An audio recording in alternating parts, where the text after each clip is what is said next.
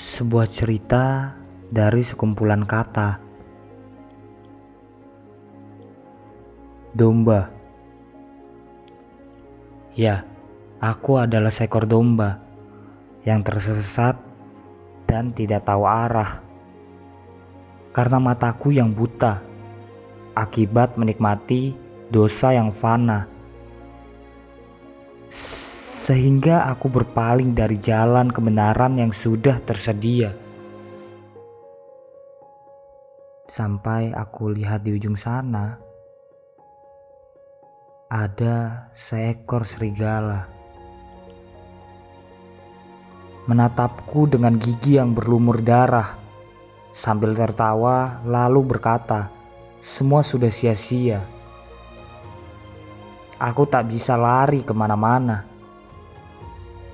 Hanya bisa meneteskan air mata, pasrah dan berdoa sebelum akhirnya tiada.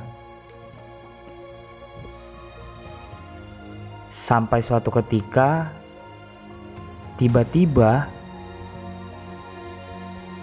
datanglah cahaya yang membawa damai dan sukacita,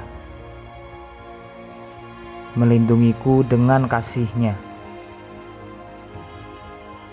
Aku mengenalnya. Dia adalah sang gembala. Gembala yang mengorbankan nyawanya dan bangkit pada hari ketiga untuk membuktikan kuasanya. Serigala yang tidak bisa berbuat apa-apa, hanya bisa lari tanpa berkata-kata. Namun, selama di dunia, serigala akan selalu mencari celah dengan menawarkan kenikmatan yang sementara agar aku bisa binasa.